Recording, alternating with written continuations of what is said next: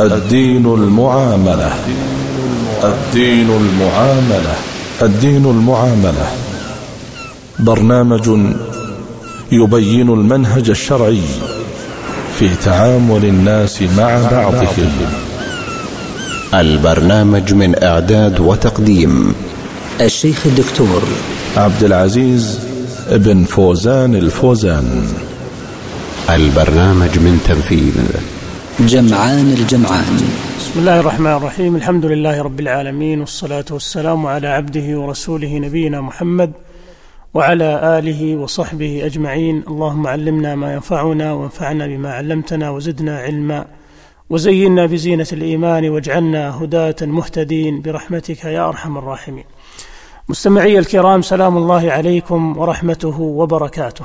وما يزال الحديث موصولا عن الحقوق الزوجية. فقد تحدثت في حلقات ماضية عن الحقوق المشتركة بين الزوجين وعن حقوق الزوجة على زوجها وشرعت في الحديث عن الحقوق الخاصة بالزوج على زوجته وتحدثت عن الحق الأول بشيء من التفصيل وهو طاعته بالمعروف. وأما الحق الثاني فهو عدم خروجها من بيته إلا بإذنه. فليس للزوجة أن تخرج من بيت زوجها إلا بإذنه. لأنها محل استمتاعه وهي الراعية لبيته وعياله وهو المكلف بالإنفاق عليها وتأمين حاجاتها وخروجها قد يفوت عليه بعض مصالحه. كما أن خروجها قد يكون مدعاة لافتتانها أو الفتنة بها.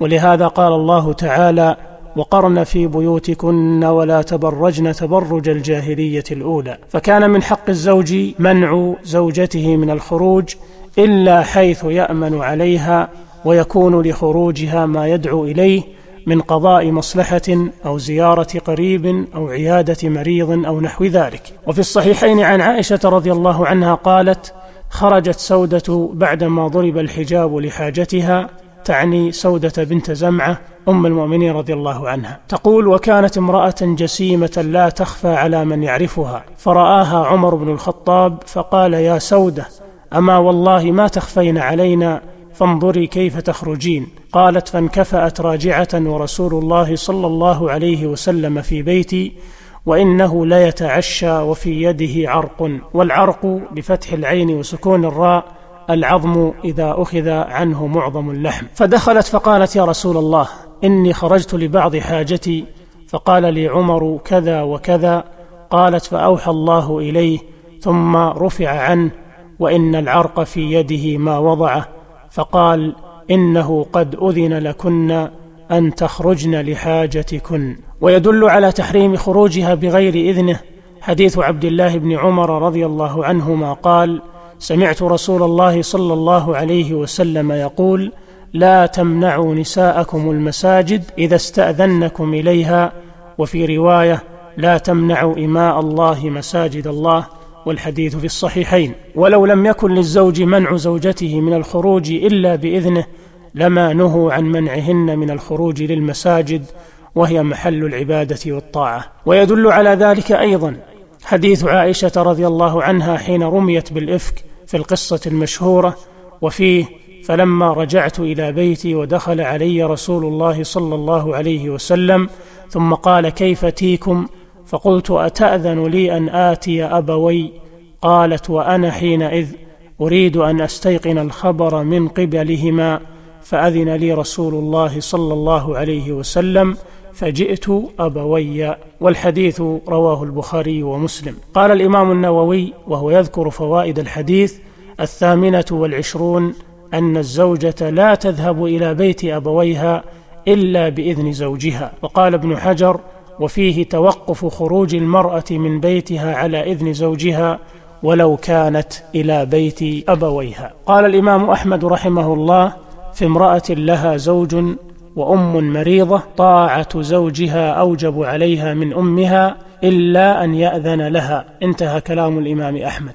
ولكن لا ينبغي للزوج منع زوجته من عيادة والديها وزيارتهما وصلة أرحامها لأن في ذلك قطيعة للرحم التي أمر الله تعالى بوصلها كما أنه يؤدي إلى نفور زوجته ويحملها على مخالفته وقد أمر الله تعالى بالمعاشرة بالمعروف وليس منعها من المعاشرة بالمعروف. كما أنه ليس له منعها من كلام أبويها ولا منعهما من زيارتها لأن هذا من الصلة الواجبة ولا طاعة لمخلوق في معصية الخالق.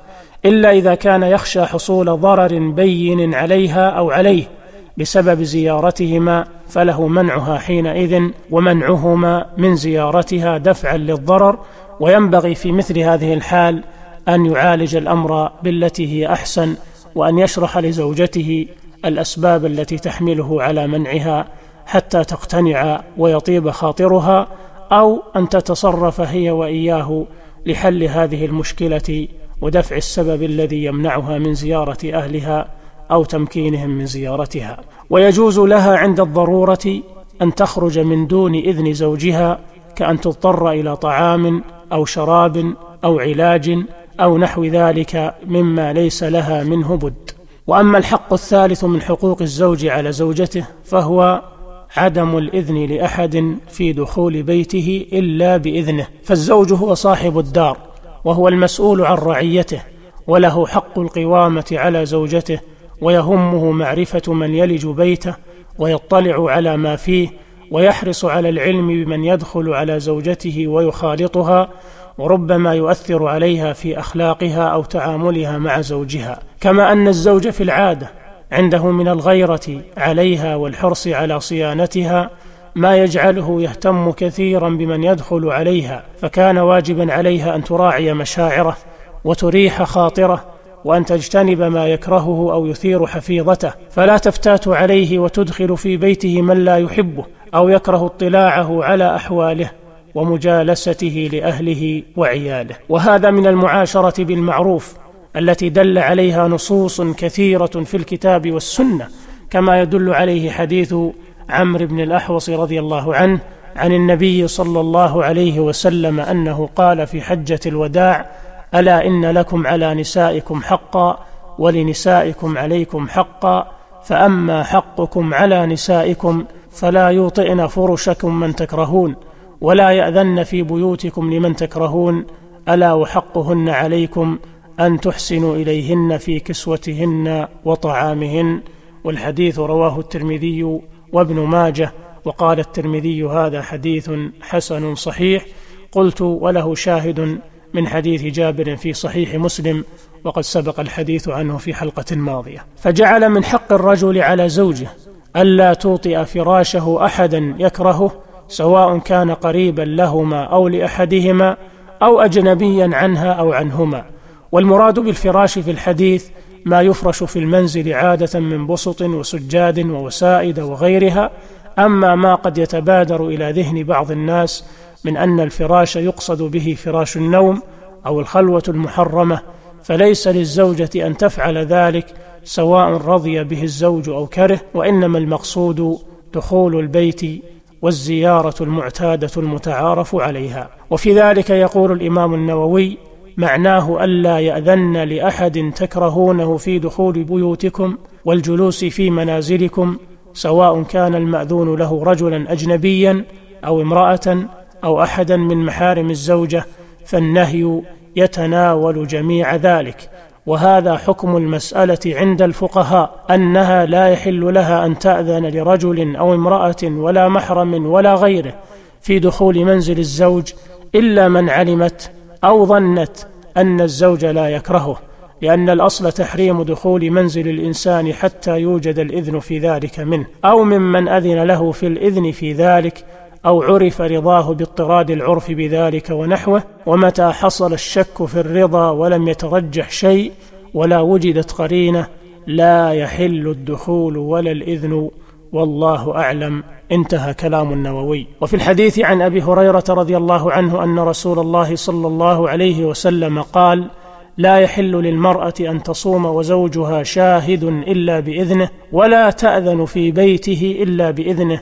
والحديث رواه البخاري ومسلم. فهذا صريح في أنه لا يحل لها أن تفتات على زوجها فتأذن لأحد بدخول بيته إلا أن يأذن لها. والنهي في الحديث محمول على من يكره الزوج دخوله في بيته أو من لا تعلم المرأة رضا الزوج به فإن علمت رضاه به إما بلسان الحال أو المقال جاز لها الإذن له حينئذ فلا بد من اعتبار إذن الزوج تفصيلا أو إجمالا. وللحديث بقية في الحلقة القادمة. أستودعكم الله الذي لا تضيع ودائعه. والسلام عليكم ورحمة الله وبركاته.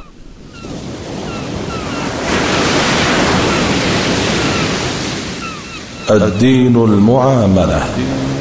الدين المعاملة. الدين المعاملة. برنامج يبين المنهج الشرعي في تعامل الناس مع بعضهم.